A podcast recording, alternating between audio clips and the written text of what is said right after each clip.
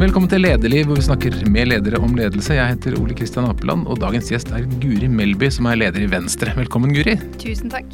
Eh, du er jo ikke bare leder i Venstre, du er jo også statsråd og har vært med å lede landet i en snart et år med pandemi. Hvordan føles det? Altså, det er jo en eh, krevende, men veldig spennende og interessant oppgave. Det er jo et stort ansvar, eh, men også et ansvar der du får masse hjelp da, til å ta gode beslutninger og til å gjøre den lederjobben. jobben. så jeg er jo for så vidt veldig glad for at jeg har fått lov til å være med på det, altså. Du har fått et veldig sånn du har, du, du har, Det har skjedd mye i livet ditt de siste årene? Ja, altså hadde du liksom spurt meg i januar 2020 hvordan jeg trodde at 2021 skulle bli altså, Alle har hatt et rart år, for så vidt, men jeg tror nok jeg kan si at jeg har hatt et ekstra rart år. Det tror jeg. Hmm. Vi skal snakke litt med deg. Jeg har lyst til å starte egentlig i Råbygda, ja, altså det hvor du kommer fra. Fortell, Det er liksom din barndomsdal. Hvordan, hvor, jeg, jeg, må innrømme at jeg hadde ikke hørt om Råbygda før jeg leste noe på deg. Hvor, fortell litt om Råbygda. Altså, ja, For å gjøre det enda vanskeligere. Da jeg vokste opp, så het det Gjølme. Så det er et av de stedene som har bytta navn underveis. Eh, det er jo ei relativt lita bygd. Eh, jeg tror da jeg vokste opp, så var det ca. 700 som bodde der. I det som da het Orkdal kommune. Eh, og typisk sånn god kombinasjon av industri og landbrukssted. Så det var en svær fabrikk der. Veldig mange som bor der, jobba der. Og så var det også da masse gårder, mange som jobber da i primærnæringa. Eh, så der vokste jeg opp. Gikk på en skole med elleve andre i klassen. En ganske liten klasse, og en skole med ca. 100 elever. Så veldig sånn trygt og godt. Um, kjempefint når du er 5, 6, 7, 8, 9 år. Ganske kjedelig når du begynner å bli 12, 13, 14. Men jeg gjetter på at du var elevrådsleder? Du vet du, det var veldig sånn Jeg husker at um, da jeg gikk i første klasse, så husker jeg jeg ble sånn spurt hvem vil sitte i, sitte i elevrådet. Og da husker jeg at jeg rekte opp hånda uten at jeg egentlig visste hva det var. Da fikk jeg sitte i elevrådet da. Men da hadde jeg liksom brukt opp min sjanse. Oh, ja. Så resten av barneskolen så fikk jeg ikke sitte noe mer i elevrådet. Så du angrer litt på det? da. Men uh, jeg var jo faktisk elevrådsleder på ungdomsskolen, ja. Jeg var jo også russepresident på videregående. Så jeg har jo vært den som har tatt en del sånne roller, særlig kanskje i sånne ungdomsåra. Hva var det som trigget deg med å ta sånt ansvar? Altså jeg tror nok Det er nettopp det å ta ansvar som jeg tror eh, har trigga meg mest. At jeg har lyst til å være med, lyst til å påvirke. Og at jeg har sett på at uh, nei, men det her, jeg må liksom inn og gjøre det, for hvis ikke så blir det liksom ikke ordentlig gjort. Så jeg syns det er gøy da, å være med, gøy å få det til. Kanskje noe av det artigste jeg har gjort, det var å være leder for en sånn ungdomsklubb. Uh, den het for Grenstugu. Uh, det sier jo alltid om hvor jeg har vokst opp hen, når det var ungdomsklubben. Men det å liksom ta ansvar for alt fra det å få handla inn mat og brus og kioskvarer som skulle selges, til å søke til kommunestyret for å få penger til lyskastere, til dansegulvet, og det å få lov å være DJ når det var disko der og sånn. Jeg bare syns at det var veldig gøy å være med, tror jeg. Så jeg vet ikke om jeg har hatt så behov for å lede. Jeg har, egentlig syns jeg noen ganger det har vært veldig deilig hvis det var noen andre som tok den øverste lederjobben. Men jeg syns det er veldig artig å være med, for jeg kan være litt sånn frustrert hvis jeg ikke var med sjøl, da. Og hvordan ble det politikk? Ja, det var jo litt, egentlig litt sånn i samme greia kanskje siden jeg var en sånn person, så husker jeg også at da jeg var relativt ung, så ble jeg jo spurt av ei nabodame om jeg hadde lyst til å bli med i Venstre. Engasjere meg i Venstre. Og da tenkte jeg du, det her må jeg, jeg kan ikke ta så lett på det, jeg er nødt til å sette meg litt inn og gjøre litt research og lese meg litt opp på andre parti. Eh, så jeg gjorde den jobben, da, men jeg fant jo ganske fort ut at jeg passa veldig godt inn i Venstre. Aller mest pga. et sånt miljøengasjement, egentlig. Og, og, så tror jeg også vi må ha med at På den tida så var Venstre ganske stort parti i Orkdalen. Hadde ordføreren. Eh, så, så, da endte jeg opp med å bli med der og stilte til valg i 99. Langt ned på lista, da. Men kom inn i kommunestyret for at Venstre gjorde et veldig godt valg. Så, så det var litt sånn eh, var, Jeg var ikke sånn som hadde i veldig ung alder satt meg ned og liksom pløyd gjennom og uh, vurdert alle ungdomsorganisasjonene. Jeg føler at det var litt mer tilfeldig, da. Men, uh, så jeg kunne nok like så godt ha brukt engasjementet mitt i en eller annen frivillig organisasjon eller noe sånt, men det var noe liksom der jeg ble fanga opp, da. Så du for deg da at du kunne ha en politisk karriere? Nei, det gjorde ikke jeg. Og det har jeg egentlig aldri tenkt. Um, og hele veien mens jeg var politisk aktiv sånn uh, tidlig 20-åra, så var jeg jo egentlig veldig opptatt av å ta utdanning. Uh, og forberede meg for yrkeslivet, egentlig. Og syntes også det var kjempegøy. da Jeg elska å studere og uh, og Venstre er jo også et parti der veldig få kan basere seg på å ha en politisk karriere som en sånn yrkesvei. Eh, vi har jo relativt få heltidspolitikere. Mm. De fleste jobber med politikk på fritida. Og det er jo også det jeg gjorde de første 15 årene jeg var aktiv. Så, så, det er nok kun de siste årene at jeg har tenkt at det faktisk kunne være en jobb, ja. Mm. Du studerte nordisk og skrev masteroppgave om dialektbruk i Team Antonsen. Hvorfor det? Ja. altså, det er åpenbart at det ikke ligger så veldig mye sånn eh, potensiell framtidig statsråd i det Nei, der. det var kanskje ikke det man tenkte. Nei, da hadde jeg kanskje studert noe sånn samfunnsøkonomi eller noe sånt i stedet. Så jeg var egentlig veldig sånn interessedrevet, da. Jeg studerte det jeg syntes var gøy. Eh, så jeg studerte nordisk og engelsk, eh, og jeg er jo utdanna lærer, da. Lektor. Og har jobba både på videregående og lærerutdanning. Eh, så nei, jeg endte jo opp med å skrive masteroppgave om noe som jeg rett og slett syntes var kjempespennende, og det er jo språk. Hvorfor vi snakker som vi gjør, hvorfor vi velger å bruke de ordene vi gjør, og hvorfor det blir humor av at vi bruker dialekter på en gøyal måte. Eh, så jeg syns jo det å skrive den masteroppgaven er faktisk noe av det mest gøyale jeg har gjort. Kan du gi et sånn veldig lite sammendrag av hva du fant? Ja. Altså, dem som da har sett Team Antonsen, det vil jeg jo tro at mange har gjort. Hvis man jo, er litt voksen, så har man det. Ja. ja. Det var jo Var det vel sånn 2004-2005, tror jeg det gikk på TV. Eh, et veldig viktig virkemiddel der var jo dialekt for å skape humor. Eh, det er jo et sånt program som ikke har Det er jo mange humorprogram som har sånne karakterer du følger over tid. Sånn er ikke Team Antonsen. Der er det litt sånn sketsjer med nye figurer hver gang. Og oppgaven min heter jo da dialekt og parykk, for det viktigste virkemidlet var liksom å trekke på en eh, parykk og så legge til en eller annen dialekt, og da blir det liksom en karakter. Da blir det en person med noen egenskaper. Og det jeg syns er fascinerende, er jo at i løpet av noen sekunder så trigger jo det noen assosiasjoner hos folk som gjør at den figuren blir litt interessant. Så hvorfor er det sånn at det å bruke trøndersk eller sørlending eller noe, hvorfor er det at det liksom gir farge til en person, da? Hva slags uh, hva sier det om oss som samfunn? Og min konklusjon var jo at det forteller jo at vi har noen stereotypier og noen holdninger. Og for hvis ikke vi hadde hatt det, så hadde det ikke vært noe morsomt. Hvis ikke det var sånn at alle tenkte ca. det samme når du la på en trønderdialekt, så hadde det jo ikke funka.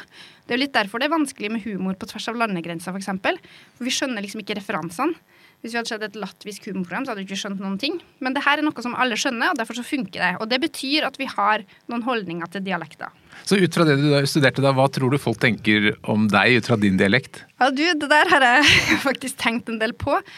Uh, og jeg tror jeg skal innrømme også at da jeg var litt yngre, kanskje sånn i 20-åra, så må jeg innrømme at den dialekten min gjorde meg litt sånn utrygg. Og jeg liksom tenker på det jeg kom til Oslo, og være med på sånne møter og sånn, og det å snakke en litt sånn dialekt som åpenbart er fra bygda. Jeg, følte ikke meg helt sånn uh, kjempeselvsikker av det. Og så husker jeg en episode da jeg var byråd i Oslo for miljø og samferdsel. Da var det litt sånn uh, uro blant uh, brannvesenet i Oslo. Uh, og så husker jeg at jeg møtte dem, og så hadde jeg med meg en rådgiver som da er fra Oslo-området. Og så sa hun det. Du, vet du, jeg tror det var en kjempefordel når du møtte disse folka, at du snakker dialekt. For jeg tror de følte liksom at du er liksom en av dem. Og det var første gangen jeg tenkte på det som en fordel. Og i etterkant av det så har jeg tenkt mye på at politikere er jo faktisk blant de topplederne som ofte bruker dialekt. Fordi det er noe som gir troverdighet, det gir en sånn ekthet. Så, så jeg tror at i mange sammenhenger så er det en fordel. Og så kan det være noen sammenhenger det er en ulempe, men først og fremst tror jeg det er en fordel. Det er ikke så ofte politikere bruker parykk, men Vedum på julaften var jo en Eller før jul var jo en høydare, så kanskje ja, man skulle prøve det mer. Kombinasjonen dialekt og parykk den er litt uprøvd, men det hadde jo vært interessant å teste ut. Ja. Du nevnte at du ble eh, politiker i, i Oslo etter hvert og jobbet mye med samferdsel. og eh, Det var jo en, ganske mange meninger om trikker og sykler og biler og sånn i Oslo. Hvordan opplevde du det? Ja, for noen tror kanskje at det her er noe som har kommet etter liksom 2015, men det er det jo ikke. Det her har jo vært uh, veldig sånn hete debatter i Oslo over lang tid. Og noe av det første som jeg var med på som byråd, det var jo å fjerne parkeringsplasser i Thereses gate på Sankthanshaugen. Det gjorde vi for at trikken skulle komme seg fram. Det var veldig sånn rasjonelt og fornuftig tiltak, anbefalt av Sporveien og Ruter. Men vi hadde jo virkelig undervurdert eh, de følelsene det skapt blant folk. Eh, og vi tok jo egentlig også veldig selvkritikk raskt på at vi ikke hadde forankra beslutninga godt nok og informert folk. For altså, selv om man kan si at ingen har krav på en parkeringsplass liksom to meter utafor leiligheten sin gratis, det står jeg for, så skjønner jeg jo også at folk trenger litt tid da, til å omstille seg. Hvis du faktisk bor der og har en bil, så må du ha et sted å gjøre av den bilen. Og da kanskje du trenger et par måneder da, for å finne en parkeringsplass for den bilen.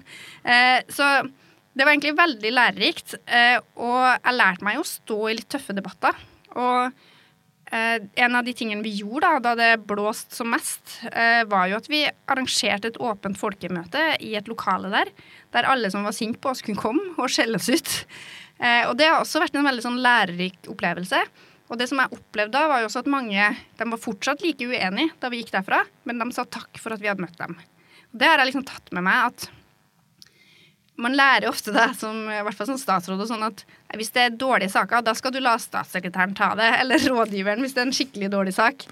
Men det kan hende at det er en god sånn tommelfingerregel. Men jeg tror også det er fint å vise fram at man tør å ta i de vanskelige tingene. Eh, og jeg tror selv om folk ikke nødvendigvis blir enig med deg, så tror jeg kanskje du kan få litt mer respekt for det, da. Hvor sterke var de sterkeste reaksjonene du fikk? da? Var det trusler, eller? Ja, jeg fikk noen trusler, og jeg fikk en del sånne hatgrupper mot meg på Facebook. Eh, eh, og jeg måtte faktisk ha, bli passa litt på i noen perioder. Men jeg må også understreke at det jeg har opplevd, har ikke vært i nærheten av det andre politikere har opplevd. Uh, og jeg har veldig stor sympati med, med, dem som lever med helt andre trusselbilder enn det jeg har gjort. Så jeg må si at jeg har vært ganske heldig, egentlig. Men hva gjør det med deg, altså, de første gangene i hvert fall, da, å bli utsatt for trusler og føle at, at en politisk sak blir så personlig rettet mot deg? Ja, De første gangene var det veldig tøft. Uh, for nettopp fordi at man tar det veldig personlig. Uh, men da jeg lærte meg at det jo ikke handla om meg som person, men det handla om den rollen jeg utøvde, så gikk det veldig mye lettere å stå i det. Eh, så det handler, tror jeg, både om eh, sånn det å erfare det noen gang, det å få litt distanse til det. Og så har jeg lært meg at så lenge jeg sjøl er overbevist om at noe er riktig, så er det mye lettere å stå i noe som er tøft. Hvis du sjøl fronter noe som du kanskje er litt usikker på, eller som du kanskje bare har måttet blitt med på, du er del av et flertall eller et eller annet sånt, mm. og du da får kritikk, da er det mye vanskeligere. Så jeg har stått i mange tøffe debatter om det handler om foreldrepermisjon eller om miljøtiltak eller sånne ting. Så lenge jeg er helt sikker på at det er riktig, så går det faktisk ganske greit å ta den kritikken. Betyr det at du har begynt å jobbe annerledes med å sette deg ordentlig inn i saker, eller vite at du står mer bak saker? Ja, eller i hvert fall at uh, du må, for du vet jo ofte om en sak er litt sånn omstridt eller ikke. Så jeg tror at hvis du da skal velge å ta en omstridt sak, så må du føle deg veldig sikker på at det her er verdt å bruke tida di på. Eh, så kanskje det å velge litt mer med omhu, da. Så det betyr ikke egentlig at du skal dukke unna vanskelige ting, men at det er kanskje et liksom maks antall vanskelige ting du kan håndtere på én mm. tid, da. Eh, og ta det som virkelig er viktig for deg. Er det noen spesielle grep du har lært som, som er gode akkurat det med å møte folk som er totalt uenige med deg? da? Er det noen triks? Ja, For det første, det å i det hele tatt møte dem. Det å svare dem på en sånn skikkelig måte. Ta dem på alvor, ikke avfeie noe. Men heller ikke gi deg, på en måte. Ikke jatte med. Eh, for det tror jeg er veldig lett å bli avslørt. Eh, men ta folk på alvor tror jeg er ganske viktig, og det tror jeg er viktige ting for politikere å gjøre. Så det å svare på mailer eller på meldinger Jeg har jo opplevd mange ganger at jeg har fått mailer fra folk som er skikkelig sånn hissige og irritert, og så svarer du sånn nøkternt og saklig. Så har jeg mange ganger fått svar tilbake igjen, og at de har blitt litt overraska. Og de har plutselig innsett at det er et sånt menneske bak, som også kan synes at det er vanskelig og krevende. Eh, så det å vise fram at du også er på en måte et menneske, at det er vanskelige avveininger, da. Eh, det tror jeg er ganske fint å være litt sånn ærlig på at nei, det er ikke svart-hvitt, og jeg vet at det har sine negative sider. Mm. Hva er du mest fornøyd med av det du fikk til i Oslo? Eh, sånn helt konkret så mener jeg jo at vi starta opp med den herre eh, sykkeltransformasjonen som vi ser i Oslo i dag. Eh, og eh, det har egentlig vært Det er jo ikke noe sånn at én person kan ta æren for det. Det var en lang prosess som har foregått over tid. Eh, men det var jo jeg som fikk lov å legge fram en plan da, for å realisere sykkelbyen Oslo. Og den har blitt veldig godt fulgt opp av byrådet i etterkant også, som har stått i mange av de samme tøffe kampene som jeg gjorde. Eh, og det vi har sett, er jo at det har jo foregått en sånn holdningsendring blant folk som bor i Oslo, at man tenker annerledes om hva byen skal være. Eh, og det er jeg veldig glad for at jeg har fått være en del av. Og så Nå har jeg jo akkurat lagt, vært med og lagt fram regjeringas klimaplan. Da jeg var byråd i Oslo, så la jeg også frem Oslos første klimaplan våren 2015, som var kjempeambisiøs.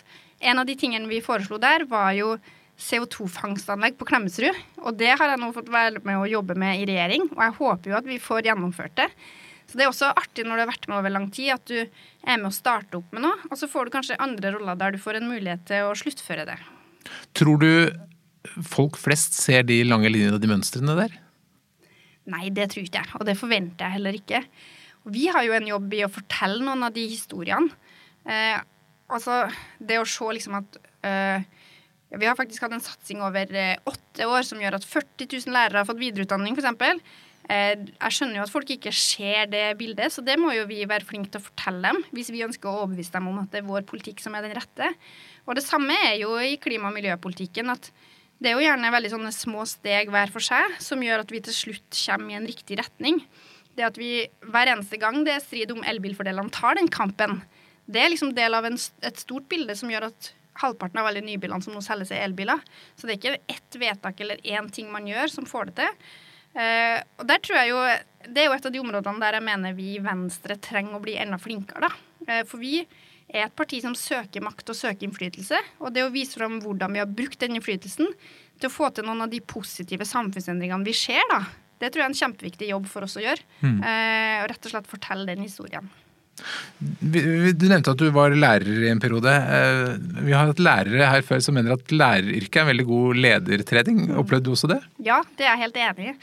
Eh, altså, du Det har jo blitt enda mer fokus i skolen i dag på nettopp det her med klasseledelse og at læreren ikke først og fremst er en som skal liksom dosere og dele av sin kunnskap, men at han skal lede andre mennesker i sin prosess med å lære. Da. Så det å være lærer er rett og slett en lederjobb. Så det er jo titusenvis av ledere på jobb i norske klasserom hver eneste dag. Så det er en kjempegod trening. Eh, og det at du, selv om du er en del av et team, ofte som lærer, det er et stort kollegium, så er det likevel noe med at når du står der i klasserommet akkurat det øyeblikket, så er du der alene. Det er du som må ta litt sånn raske beslutninger, hvordan du skal håndtere situasjoner og sånn. Eh, og det er også du som er den eneste som kan følge enkeltelever liksom over tid og ta, ja, ta de der vurderingene. Og det tror jeg er ganske sammenlignbart med mange andre lederjobber. Man er jo veldig sjelden alene, man er ofte del av et team. Men man kommer også ofte i noen sånne situasjoner der du er alene. Mm. Der det er bare du som kan bestemme. Og det tror jeg er ganske sånn likt, da lærersituasjonen er kanskje noe av det råeste, hvor du står med masse unge, tøffe mennesker rett foran deg. Du har ikke noe rådgiver, sånn som du har som statsråd. Nei, vent litt, da skal jeg bare ringe, kan ringe rådgiveren. ja. Er det noen spesielle opplevelser fra lærerperioden din som du tenker har formet deg videre? Um, altså nå, uh, jeg var jo lærer på videregående i ett år, og så jobba jeg fire-fem år i lærerutdanning. da. Uh, og da jobba jeg jo stort sett med ganske sånn uh, voksne studenter.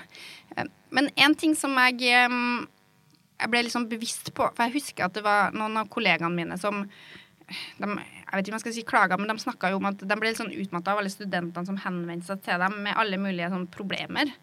Eh, og så tenkte jeg jeg hadde liksom ikke opplevd at de gjorde det.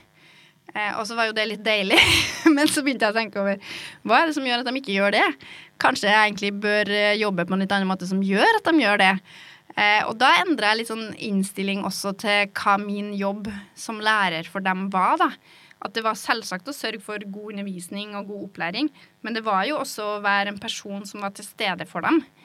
Der tror jeg også at eh, eh, det er noe som jeg tar med meg som leder, da. At det er ikke et negativt tegn hvis folk faktisk kommer til deg med ting, om det er personlige ting eller om det er jobbrelaterte ting. Det er faktisk veldig bra, for det betyr at du har bygd et tillitsforhold, og det er kjempeviktig. Mm -hmm. La oss hoppe litt til, til, til, Venstre, da, som du tross alt er her for. Eh, du ble jo først, først da kunnskaps- og integreringsminister, og så i høst så ble du eh, valgt som leder av Venstre. Jeg tenker, Egentlig så er det litt sånn pussig dette med at altså statsråd er en ganske stor jobb i utgangspunktet. Å sier nå har vi noen som skal lede et parti og løfte et lite parti opp. Da tar vi den som allerede har for mye å gjøre. Må det være sånn? Er det, er det, er det en bra løsning? Ja, du, Det er faktisk et veldig godt spørsmål. Eh, og det eh, har jo alltid vært sånn da, at partilederne for de partiene som sitter i regjering, sjøl også sitter i regjering. Man kunne jo tenkt seg selvsagt at man kunne ha delegert de oppgavene litt og sagt at jeg skal konsentrere meg om å lede Venstre, så får noen andre ta et sånt departement. Eh, men så er det jo også da utrolig mange beslutninger som tas i regjering som er veldig viktige for Venstre. Så de to jobbene henger jo så utrolig tett sammen. Eh, så, så det er jo ikke sånn at jeg har én jobb, og så plusser du på den andre. Det er kanskje 50% av arbeidsoppgavene er litt sånn overlappende. da. Og veldig mye får jeg jo liksom en bonus av å være med i regjering òg. Får jo veldig god oversikt over saker. Eh, blir jo relevant i mange debatter. Og det som jo er veldig bra, er jo at eh, jeg leder et departement på det som er et av Venstres hovedsaker, nemlig kunnskap. Eh, en av det viktigste for Venstre er jo kunnskapspolitikk. Det å gi alle mennesker lik tilgang på kunnskap og like muligheter til å, til å på en måte få den utdanninga og den jobben de vil. Så det å jobbe som kunnskapsminister, da får jeg jo egentlig oppfylt veldig mye av det som er Venstres misjon i det. Og dere, ja, dere har vært flinke til å få gode poster? Ja, det syns jeg. Ja. og læreren til Trine Skei Grande som ja. var den som forhandla fram det, ja. sammen med sine folk. Altså, det er klart det at nå når Venstre både har kunnskapsminister, klima- og miljøminister, næringsminister og kulturminister, det er veldig gode posisjoner for et parti som er opptatt av å eh, løse klima- og naturkrisa, som er opptatt av å gi alle kunnskap, som er opptatt av å verdiskaping og skape de nye arbeidsplassene for framtida. Og der ikke minst også kulturfeltet er veldig viktig for de liberale verdiene. Så mm. ja, jeg mener vi er veldig godt posisjonert, altså. Og vi får utøvd masse venstrepolitikk hver eneste dag. Ja, og det er ganske krevende også da, i forhold til valgkamp. Når dere skal komme og si dere skal bli, hva dere vil gjøre, så må dere jo bevise at dere har gjort noe. Ja, det er klart. Du vil jo bli stilt til ansvar. Eh, og det er jo veldig lett å stille spørsmålet OK, hvis du vil det, hvorfor har jeg ikke gjort det før? Um, så derfor så har vi jo en viktig jobb å gjøre å overbevise nå, da når vi sitter med makta, og vise frem at vi faktisk bruker makta til å få fram endringer. Eh, jeg syns jo når vi la fram klimaplanen i forrige uke og viser ok, nå er vi villige til Vi har fått med oss regjeringa på at vi nå skal øke CO2-prisen ganske kraftig. Noe som vil gjøre at det lønner seg mer å satse på den miljøvennlige teknologien. Det lønner seg å kutte utslipp for alle overalt i samfunnet. Da viser vi jo at vi bruker makta til å få til noe. Og jeg håper jo det gir oss troverdighet på de løsningene vi skal peke på til etter valget også, da. Mm. Men, da du da ble uh, klappet gjennom som leder i Venstre, hadde du da noen sånn veldig klare tanker på hvordan du vil være som Venstre-leder? Hvordan du skal være for partiet? Ja, altså det har jeg uh, Både ja og nei. Uh, og det her er egentlig litt sånn Altså, jeg har jo vært åpen om at jeg har brukt litt tid på å finne ut av om jeg ville bli leder eller ikke. Og en av de grunnene til at jeg holdt litt igjen, var for at jeg tenkte sånn Men jeg har jo ikke en sånn akkurat så veldig klar idé om akkurat hvilke valg Venstre må ta framover, og akkurat liksom hvilke saker og hvilke prosesser må vi sette i gang og sånn. Men så etter hvert så skjønte jeg jo at men det er jo ikke nødvendigvis det som gjør deg til den beste lederen heller. Eh, fordi at om jeg sitter her alene og tar alle de beslutningene, så tror ikke jeg det får noe effekt. Du må jo ha med deg folk. Eh, så det handler vel like mye om å være god på å lage noen prosesser som gjør at vi tar de beslutningene sammen. Eh, det å lytte til folk, det å høre hva folk i Venstre faktisk vil, og hva de er opptatt av. Så da jeg skjønte det, så fikk jeg litt lavere skuldre på akkurat det. Så det er klart at jeg har noen ideer og tanker. Jeg har jo tenkt at uh, vi har hatt et problem med å være litt for utydelige, f.eks. At vi har vært nødt til å være tydeligere på hva som er våre hovedsaker, og hva som er sammenhengen i politikken det å vise fram ideologien vår i alle saker, at det i bunn og grunn handler om frihet for enkeltmennesket, enten vi snakker om klimapolitikk eller om å skape nye jobber. Uh, men som sagt, jeg tror at uh, Venstre blir ikke et større parti av at jeg har veldig klare ideer og gjennomføre det. Uh, vi er nødt til å finne ut den veien sammen. så jeg tror at det å være en god leder vel så mye handler om å dele sine ideer, men være åpen for at andre kanskje også da har noen lure tanker om hvordan vi skal få det til. Mm. Men har du liksom noe, noen mantra eller noen tanker om hvordan du vil at du skal bli oppfattet som leder? Ja, jeg har lyst til å være en åpen og lyttende leder. Eh, en som hører på folk. Eh, men også en som selvsagt sier tydelig fra på hva jeg mener. Eh, for jeg tror jo at eh, de aller, aller fleste også ønsker seg tydelige prioriteringer og tydelige svar fra en leder. Så man kan på en måte ikke bare vike unna. Man må være tydelig på hvilke saker syns jeg vi skal prioritere? Hva syns jeg er den riktige måten å snakke om det her på? Hva mener jeg er de beste samarbeidene vi bør gå inn i for å få til vår politikk? Man må ha tydelige svar, men man må også lytte. Får du tid til å tenke ut alle de svarene? ja, altså Det er jo veldig sjelden at jeg får liksom satt meg ned og virkelig gått grundig inn i ting. Men man har jo noen sånne pusterom eh, underveis da, som gjør at man faktisk eh, får reflektert litt. Det her er jo en veldig god anledning til å reflektere, syns jeg. Har du det grilla? Tidligere i dag så, så var jeg i blodbanken og ga blod. Da hadde jeg et sånt kvarter der jeg var tvunget til å sitte helt i ro og ikke gjøre noe annet. Så det å være flink til å bruke de mulighetene du får da, til å tenke gjennom sånne ting. Men jeg er jo også en eh, Det høres kanskje for den som hører på podkasten, jeg er jo en sånn ekstrovert person. Eh, Jeg har eh, veldig nytte av å prate gjennom ting. Og en ting som eh, Du er ganske heldig som statsråd. eh, At du er jo alltid omgitt av folk. Noen ganger blir det slitsomt, men det er også veldig fint. Så det er alltid noen du kan kaste litt ball med. Plutselig får du en idé, og så drøfter du det litt. Mm. Får noe input. Det er i hvert fall veldig nyttig for meg. Men det er kanskje blitt litt begrenset nå med pandemi og Teams og sånn? Det er sant. Vi møter jo veldig mange færre mennesker sånn ansikt til ansikt. Men jeg har i hvert fall mine medarbeidere i nærheten. Nå, eh, så jeg har jo vært blant de få heldige, syns jeg, da, som har fått lov til å gå på kontoret de fleste dagene. Prøvde meg på hjemmekontor noen dager, det gikk ikke så veldig bra. Særlig ikke når ungene var hjemme samtidig. Eh, så, men det er klart at du taper ganske mye som politiker når du ikke får de her møtene med folk. Altså. Det gjør du. Har du noen forbilder? eller noen nålevende eller historiske ledere som du tenker at du gjerne skulle være som? Ja, egentlig flere. Eh, det som er litt morsomt, er at eh, jeg jobba sjøl i Kunnskapsdepartementet i 2011. Da var Kristin Halvorsen statsråd. Eh, og hun har faktisk alltid vært et sånn politisk forbilde for meg. Vi er riktignok uenige i ganske mange saker eh, og representerer ulike parti. Men den måten hun er som både person og leder, har vært et stort forbilde for meg. Det at jeg som da fagrådgiver i departementet opplevde å bli sett av en sånn som hun. Og også at hun vil liksom vise den omsorgen og interessen for folk. Det er noe som, eh, som jeg eh, ser veldig opp til, da, og som jeg prøver å lære av. Hun har vært her. Du kan Ja, søke opp, ja, kan Ja, søke opp episoden, men hun snakker om annet om å ha godt humør og kort hukommelse. At det er viktig at man må legge ting bak seg. Ja, ja, Ja. Det tror jeg er en god oppskrift. Ja, Andre forbilder, da? Eh, altså eh, Trine Skei Grande er også et forbilde for meg. Eh, det hun har Hun har jo definitivt vært en som har stått gjennom ganske tøffe kamper. Og gjort det fordi at hun har et veldig sånn brennende engasjement. Eh, og så er det lett å glemme hva har hun liksom oppnådd med det. Hun har faktisk oppnådd at det er mange hundre asylbarn som har fått bli i Norge pga. de kampene hun har tatt, både internt og i media.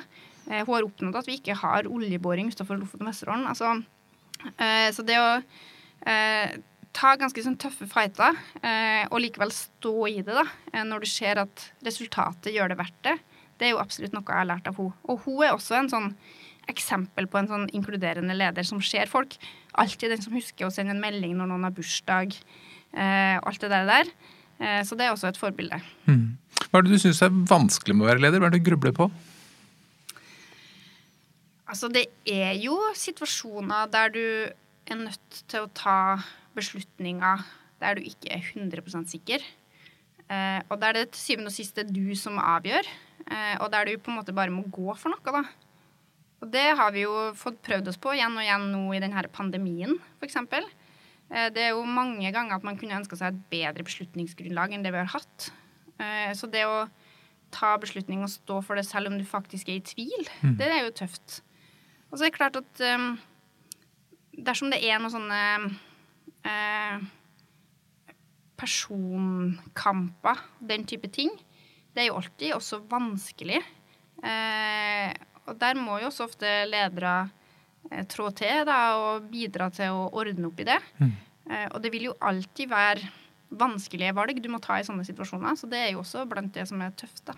Og Det er også litt spesielt med, med politikk, for du har jo da to nestledere, Abid Raja og Senny Rotemann, og du har jo ikke valgt dem selv.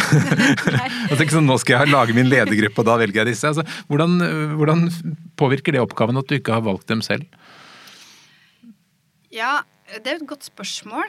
Men um, det som jo er veldig bra, er jo um, Det fine med det er jo at uh, du kanskje i enda større grad da må jobbe sammen med mennesker som er litt annerledes enn deg sjøl. Som utfordrer deg på litt andre ting enn det du sjøl hadde tenkt at var viktig. Det er jo noe med at Når man plukker folk sjøl, så har man en tendens til å ta noen som ligner på seg litt, og noen som man liker godt, og noen som man eh, tenker at man er enig om mye på. Men som leder har man jo utrolig stort behov for å bli korrigert. Eh, og det å snakke med folk som ser på ting på en helt annen måte enn det du gjør. Så det er jo fordelen, da, når du blir på en måte bare bedt om å samarbeide med noen. Og så altså, Jeg og Sveinung Abid vi har jo et veldig godt forhold. Det er jo to som er både veldig dyktige, veldig ambisiøse, arbeidsomme og også veldig morsomme eh, folk som jeg trives veldig godt sammen med. Eh, så det går jo veldig fint. Um, så stort sett så er det egentlig veldig sånn inspirerende. jeg sier det går fint, jeg er sikker på at dere har det hyggelig, men hvis du ser på meningsmålingene, så er det ikke, det er ikke noe høyder akkurat for tiden. Hva, hva, skal vi gjøre for å få hvordan skal, hva, hva er trikset? Skal, hvordan skal dere få eh, Venstre opp?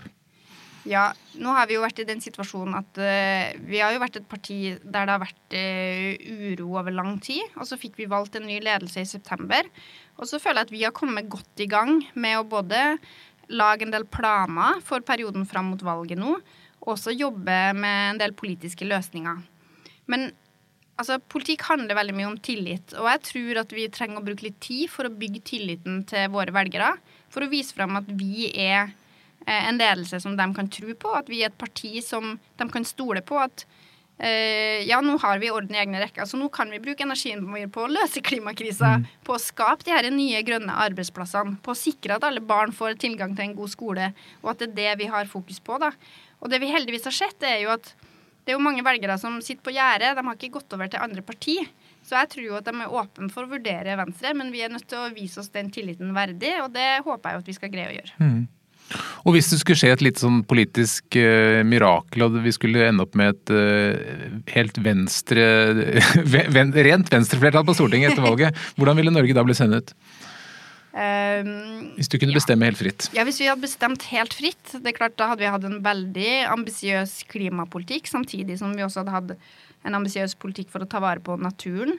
Eh, vi hadde jo prioritert eh, tilgang på barnehage, skole veldig høyt. Eh, en av de tingene jeg er mest fornøyd med at Venstre har fått til når vi har hatt makt, er jo gratis kjernetid i barnehage til dem med lav inntekt.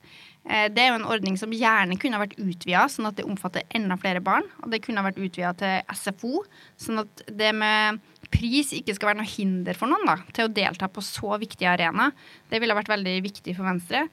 Og så er jo vi også opptatt av å skape en skole der altså de grunnleggende ferdighetene er utrolig viktig, og det å få med seg den kunnskapen du trenger for å lykkes i livet, er utrolig viktig. Men vi må også ha en skole som ikke bare utdanner, men som også bidrar til å danne hele mennesket. Da. Det, eh, at du blir en aktiv medborger, at du skjønner hvordan demokratiet fungerer, at du kan forholde deg kritisk til kunnskap og alt det her. Og at vi ville kanskje jobba med å løfte det enda høyere på agendaen.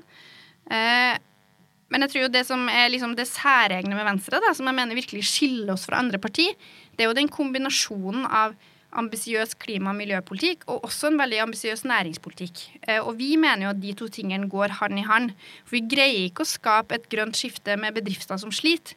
Fordi det er ikke staten som kommer til å få til den grønne transformasjonen av Norge. Det er bedrifter, og det er sivilsamfunnet og alle sammen sammen, da. Eh, og det betyr at for å lykkes med klimapolitikken, så må du også ha bedrifter som går godt. Og du må ha innovasjon og du må ha satsing på forskning og utvikling. Så den kombinasjonen av næring og klimapolitikken, det er det som kjennetegner Venstre aller mest. Men dere, og det er jo noe dere har hatt alltid. Mm. Men så har på en måte velgerne sklidd litt. Det er kanskje de mest næringsvennlige har dratt til Høyre, og de mest miljøvennlige har dratt til MDG. Jeg vet ikke. Det, det er jo, egentlig så er det jo deres tid. Altså, ja, ja, ikke sant? Jeg syns jo det, jeg òg. Eh, og så jeg tror jo at um, det er jo mange velgere som, eh, som sier at de sakene vi har som våre hovedsaker, er de viktigste også for dem. Eh, så det å greie å vise fram hvorfor Venstre er det partiet som har de beste løsningene, er jo en viktig jobb for oss. Jeg tror det vi bør bli enda flinkere på, er å vise at vi er relevant i det helt sånn nære og det hverdagslige. Jeg er nok litt redd for at vi har blitt oppfatta som litt sånn teoretisk, kanskje. Og litt sånn som et sånt idéparti. Og kanskje ikke som det partiet som finner de praktiske løsningene. Jeg tror at En av grunnene til at Venstre har gjort det veldig bra i Oslo over mange år, er at vi nettopp har tatt den rollen i å løse hverdagsproblemer. Eh, og et sånt godt eksempel på det er jo altså Alle som bor i Oslo i dag, tar det for gitt at trikken den bare kommer hele tida. Sånn var det ikke for 20 år siden. Da måtte du sjekke rutetabellen. Nå går du bare rett ut, og så kommer det en trikk i løpet av ganske kort tid. Så det å innføre sånn femminuttersintervall på trikken, det var jo en sånn venstreidé som vi har kjempa gjennom. Som både bidrar til grønnere transport, men som også løser hverdagen til folk. Eh, og det mener jeg Den rollen har vi greid å ta i Oslo over lang tid, og den tror jeg også vi er nødt til å vise fram at vi gjør nasjonalt. Eh, da tror jeg at Venstre blir et mer relevant parti for flere. Mm. Hvordan blir valgkampen 2021? Du har ikke, du har ikke noe glasskule akkurat på pandemi, men det må jo bli annerledes? Ja, det blir nok annerledes, eh, og vi må nok alle forberede oss på at eh, det blir færre fysiske møtearenaer og flere digitale. Og det er klart at um, det er noe som vi kan risikere å tape noe på. Eh, men vi kan også oppnå noe positivt. Altså, eh, noe av det gøyeste med å være med i politikk er jo faktisk altså, Valgkamp er jo en potensiell gedigen møteplass mellom politikere og velgere. Altså, her eh, så står altså politikere ut, og det er liksom alt fra eh, de øverste lederne til grasrota ut på stand og dele ut materiell og snakke med folk. Så Eh, I valgkampen så er det jo nesten sånn at hvilken som helst borger kan gå nedover Karl Johan og møte på stortingsrepresentanter og regjeringsmedlemmer og snakke med dem om sine utfordringer. Og det er jo fantastisk. Men øh, hvis det ikke blir sånn, så må vi jo da være på andre arenaer. Og det kan jo hende at vi da blir tilgjengelig for andre som ikke ville ha gått den turen ned på Karl Johan. For dem som syns det er lettere å stille et spørsmål via Facebook eller sosiale medier, Eh, det betyr at eh, geografiske hindringer ikke er like store lenger. Eh, så jeg håper jo også at det bidrar til nye møter med folk som vanligvis ikke oppsøker politikere. Mm. Har du lært noe nytt gjennom dette siste året? Eller jeg vil anta du har lært noe nytt siste året. Men har du fått noe, an, noe andre syn, ny syn på ledelse i løpet av det siste året? Ja, ja, det har jeg jo absolutt. Um, jeg har nok lært meg at uh, Det er egentlig mange ting. Uh, jeg har lært meg hvor viktig det er å ha tiltro til andre rundt deg. da. At det er andre som vet bedre enn deg. Du må rett og slett bare lene deg på andre for å ta de riktige beslutningene. Og så har jeg jo lært masse om meg sjøl. Eh, jeg har jo lært at eh, Jeg har funnet ut at jeg er ganske god til å bevare roen da, i en kaotisk situasjon. Det visste jeg egentlig ikke før. Det er ikke alltid sånn jeg føler at jeg er, men det er sånn jeg er på jobb, i hvert fall. Uh, og det å kunne Det å greie å leve med såpass mye usikkerhet som det vi har gjort nå, det er en kjempegod trening. uh, det er jo litt sånn kriseledelse, at du må leve med usikkerhet. Du vet ikke hvordan neste dag ser ut når du kommer på jobb. Og sånn er det jo litt i politikken hele tida, men det har jo vært en sånn ekstremversjon av det nå. Så det er en veldig god trening, da. så altså, jeg har jo også lært at det norske samfunnet er ganske robust. Um, for det som er litt interessant, er altså det er helt sikkert mange ting vi kunne vært bedre forberedt på. Det har vært liksom pekt på burde vi hatt mer smittevernutstyr, ja, rekke sånne ting. Men det som vi har gjort i denne krisetida, er jo egentlig at man har, man har liksom brukt de eksisterende strukturene. Eh, og så har det fungert ganske godt. Og selv om vi da kanskje hadde litt lite smittevernutstyr i starten, så var det jo noe vi fikk retta opp da, ganske fort. Så det betyr jo at vi har systemer både for å oppdage feil og for å kunne rette dem opp. Eh, så jeg syns jo at vi har blitt satt på en ganske sånn stort stresstest som vi foreløpig har bestått ganske godt. Og det handler ikke bare om eh, regjeringas fortreffelighet, men det handler også om et solid byråkrati. Om at vi faktisk har ganske mye fagkompetanse spredt rundt omkring i hele landet. Eh, dyktige smittevernoverleger som greier å ta gode beslutninger, selv i den minste kommune. Eh, og selv om ikke alt går bra hele veien, så har det sånn totalt sett gått ganske bra, da. Mm. Når er det du føler deg best? At du liksom er skikkelig dyktig? Og altså eh, En ting jeg har fått gjort altfor lite av da, de siste månedene, som, jeg, som, både gjør meg glad og som gjør at jeg føler at det fungerer best, det er jo når du får lov til å reise rundt, snakke med folk, være på møter, delta. Eh, de få dagene jeg har fått gjort det de siste månedene, har vært veldig inspirerende for meg sjøl. Eh, så det håper jeg jo at jeg får gjort litt mer av da, de neste månedene. Hva savner du mest til hva som er det første du skal gjøre når Norge er smittefritt? Ja, Det er ganske mange som skal få en klem. Altså, Jeg hadde alltid tenkt at jeg ikke var sånn klemmer. At jeg tenkte at det var litt sånn kleint. Og nå savner jeg det veldig. Alle disse kunstige, rare møtene vi ikke helt vet hva vi skal gjøre. Eh, Så det å rett og slett være mer sammen med folk, da, som betyr noe for meg, det er klart at det jeg savner aller mest. Eh, det er rett og slett eh, Ja, eh, jeg husker i sommer så hadde vi sånn én kveld med noen venner der vi gikk ut og spiste, og vi gikk på og sang karaoke og hadde sånn skikkelig barnslig gøy. Og det, det er veldig lite av det nå, da. Det vi har av sosiale sammenkomster, er veldig sånn ordentlig og dannet og én meters avstand og sånn. Så det å kunne slippe de der fysiske barrierene da, for mm. å ha det gøy, det savner jeg. Den sektoren som du er ansvarlig for, altså eh, kunnskap, eh, tenker du at pandemien har satt noen varige spor der i disse årskullene? Ja, det er jo kanskje det jeg bekymrer meg aller mest over. Um, jeg husker vi snakka mye om det i sommer. Uh, da hadde vi liksom kommet gjennom noen måneder med en unntakssituasjon. Da snakka vi om at for noen hadde nok det her vært alvorlig, men for det store flertallet så hadde de kanskje lært vel så mye som det de hadde tapt. Men nå er vi altså da i en situasjon der mange skolebarn har vært snart et år med enten redusert eller annen type undervisning. Og det er jo eh, veldig stor sjanse for at det får konsekvenser. Eh, og én ting er ressurssterke, velfungerende ungdommer som kanskje greier seg fint på hjemmekontor. En annen ting er jo barn som har behov for omfattende oppfølging. Barn som har eh, tiltak på spesialpedagogikk, som kanskje ikke har fått det.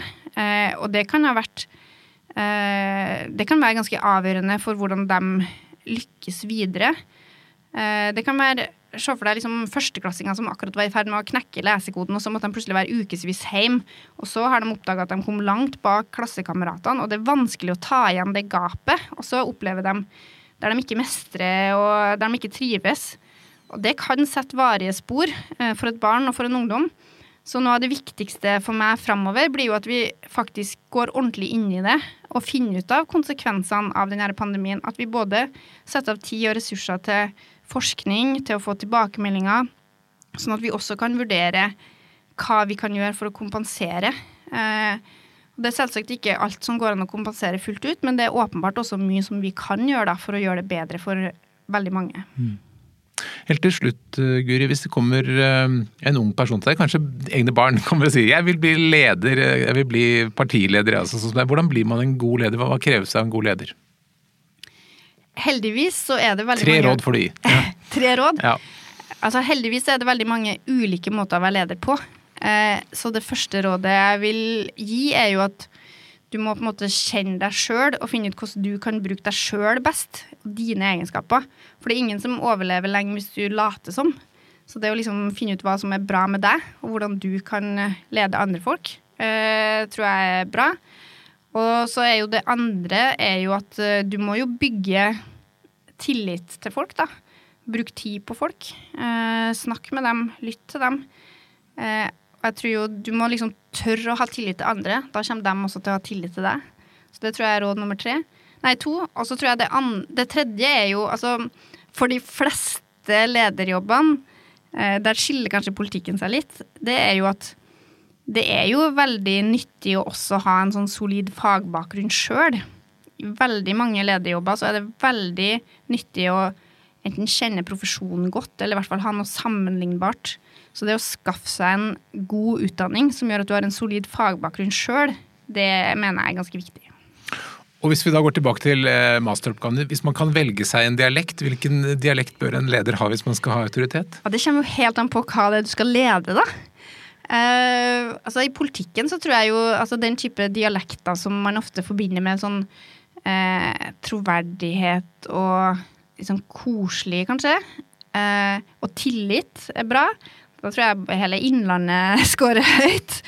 Um, men så det jeg trekte frem i masteroppgaven min, var jo eh, det var en sånn karakter i Tim Antonsen som het eh, syrlig og sarkastisk nynorsk mann.